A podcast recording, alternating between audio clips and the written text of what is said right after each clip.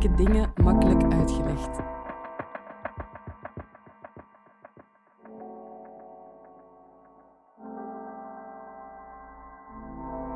Dit is de podcast van Moeilijke Dingen Makkelijk Uitgelegd. Wie de wereld wil verbeteren, moet wel begrijpen hoe die werkt. Daarom laten we in Moeilijke Dingen Makkelijk Uitgelegd een expert 10 minuten aan het woord om een complex onderwerp uit te leggen. Deze keer leggen Julia Allegre Muslim en Maite de Haan uit waarom de een geloofwaardiger is dan de andere. Goedemiddag, uh, welkom en uh, dankjewel voor de uitnodiging. Um, ik ben Maite, het is mijn collega Julia. Hoi. Uh, en Selma zei het al, we hebben het filosofisch platform Troebel opgericht. En met Troebel denken we eigenlijk na over moeilijke dingen en proberen wij die helder te krijgen. Wij zijn ook filosofen van opleiding. Ik geef uh, naast Troebel les aan de Universiteit van Antwerpen uh, als assistent. En Julia is uh, doctoraatstudent aan de Universiteit van Malta. Vandaag gaan we het hebben over eigenlijk een filosofische term, epistemologische ongelijkheid. Om het in mensentaal te zeggen, waarom geloven we sommige mensen sneller en meer dan anderen? En we gaan direct beginnen met een soort van denkoefening of een voorbeeld. Uh, stel je zit uh, in een vergadering met een paar collega's, let's say vijf collega's. Jullie zijn aan het brainstormen over veranderingen of, of strategieën die jullie in het bedrijf willen doorvoeren. En je hebt een goed idee, je gooit het in de groep, je maakt een opmerking, maar het wordt eigenlijk niet opgepikt. Je merkt wel, oké, mensen hebben mij gehoord, maar ze doen er niets mee. Even later merk je dat een collega van jou eigenlijk dezelfde opmerking maakt, dat de groep het deze keer wel oppikt en erop doorgaat. Ik zie al mensen knikken in de zaal. Of een ander voorbeeld. Uh, je hebt al drie weken last van pijn in je onderbuik en ja, je kan de slaap moeilijker vatten. Uh, je hebt een beetje hoofdpijn en je besluit om met die klachten naar de dokter te gaan. Aangekomen bij de dokter leg je uit van ja, kijk, ik heb al drie weken echt een beetje last in mijn onderbuik. Ik, heb uh, last van slapeloosheid. Um, waarop die dokter in de eerste instantie zegt van ah, ik denk niet dat je veel zorgen moet maken. Hè. Uh, het, het zal wel komen door de stress.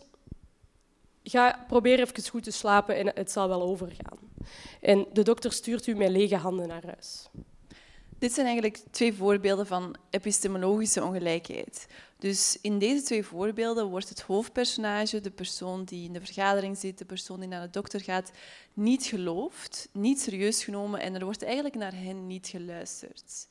Wanneer onze geloofwaardigheid in vraag wordt gesteld, niet door wat we zeggen, maar door wie we zijn, door vooroordelen over wie we zijn, dan spreken we van epistemologische ongelijkheid. En die vooroordelen kunnen gaan over identiteitskenmerken en lichamelijkheden zoals gender, ras, leeftijd, beperking, klasse en zoveel meer. Zo zal een vrouw in een vergadering minder vaak het woord krijgen. Um, mensen van kleur die pijn ervaren worden minder snel serieus genomen. En mensen met een beperking worden minder snel gehoord.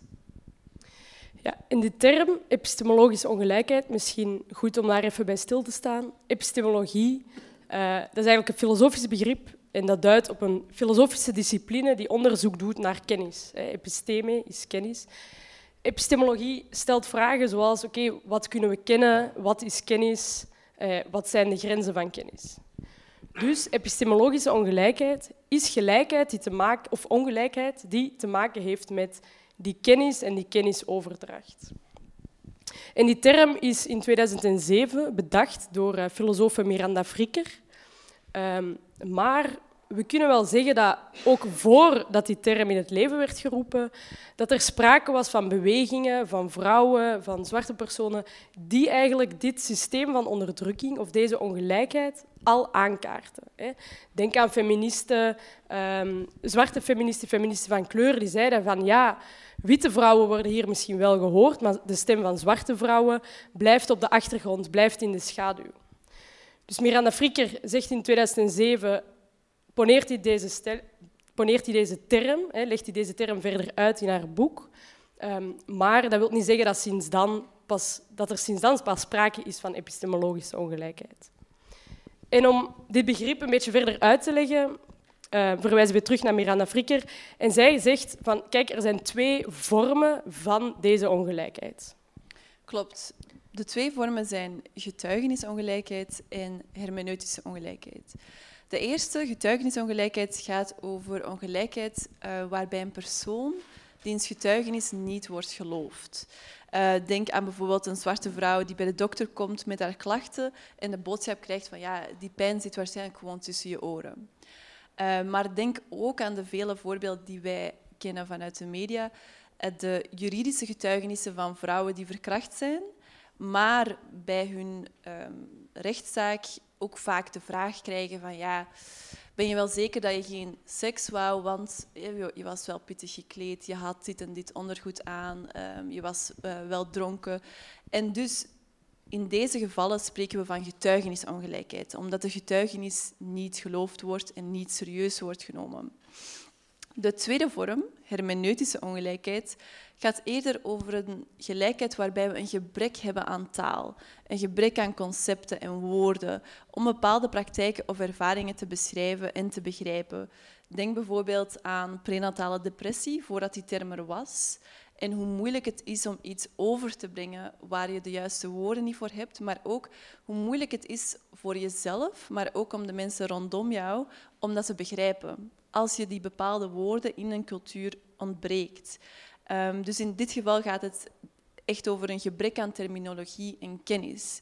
Een ander voorbeeld van de vorige eeuw is uh, verkrachting binnen het huwelijk. Dat was iets dat juridisch gezien onmogelijk was. Dat kon je niet aanklagen. Het gebeurde natuurlijk wel, maar het, wat er dan gebeurde is dat de personen die verkracht werden binnen het huwelijk geen juridische erkenning daarvoor konden krijgen. Om het allemaal misschien nog even kort samen te vatten. Iedereen ziet eruit op een bepaalde manier, iedereen heeft voorkeuren. Ik ben bijvoorbeeld wit, ik ben queer, ik heb een hogere opleiding, ik ben van de hoge middenklasse.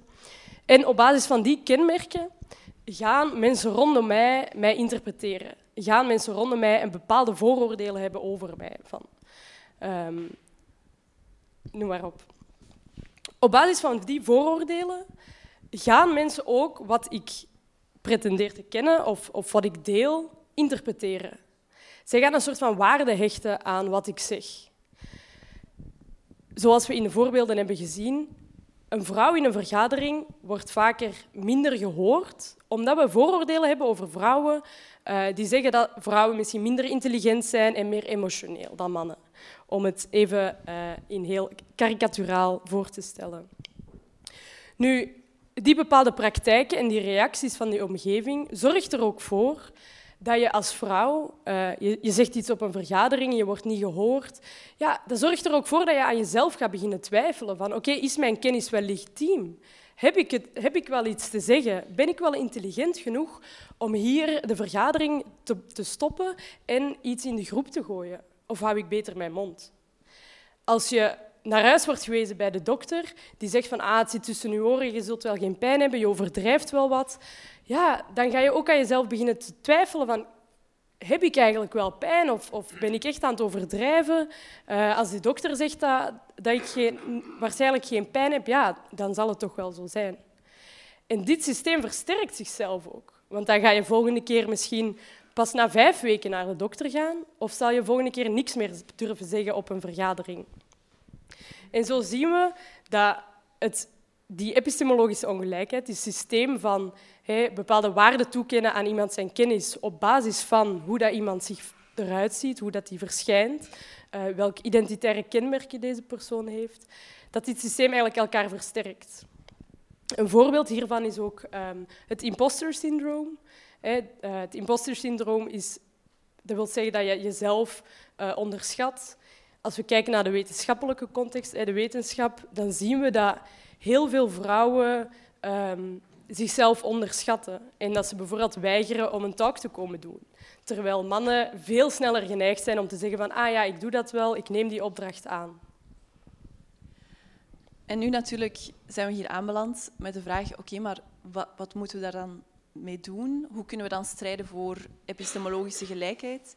En ik denk dat het heel belangrijk is om u ervan bewust te zijn, maar ook bewust zijn van uw vooroordelen en uw omgeving daarop te wijzen. Um, en uzelf ook de vraag te stellen, in die, en uzelf ook de vraag te stellen, neem ik veel ruimte in? Ben ik vaak aan het woord en indien dat het geval is, neem dan een stap terug.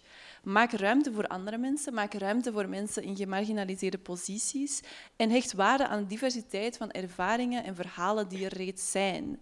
Als je twijfelt aan iemands geloofwaardigheid, stel jezelf de vraag waarom twijfel ik?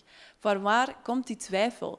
En moest die persoon iemand anders zijn, moest dat iemand zijn met heel veel autoriteit, zou ik die dan wel geloven? En tenslotte willen we ook afsluiten met te zeggen dat in die strijd voor epistemologische gelijkheid, voor gelijkheid te dat je daar ook niet alleen in staat.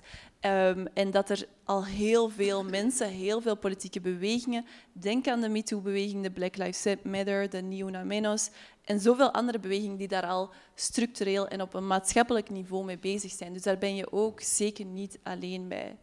Bedankt voor het luisteren. Dankjewel.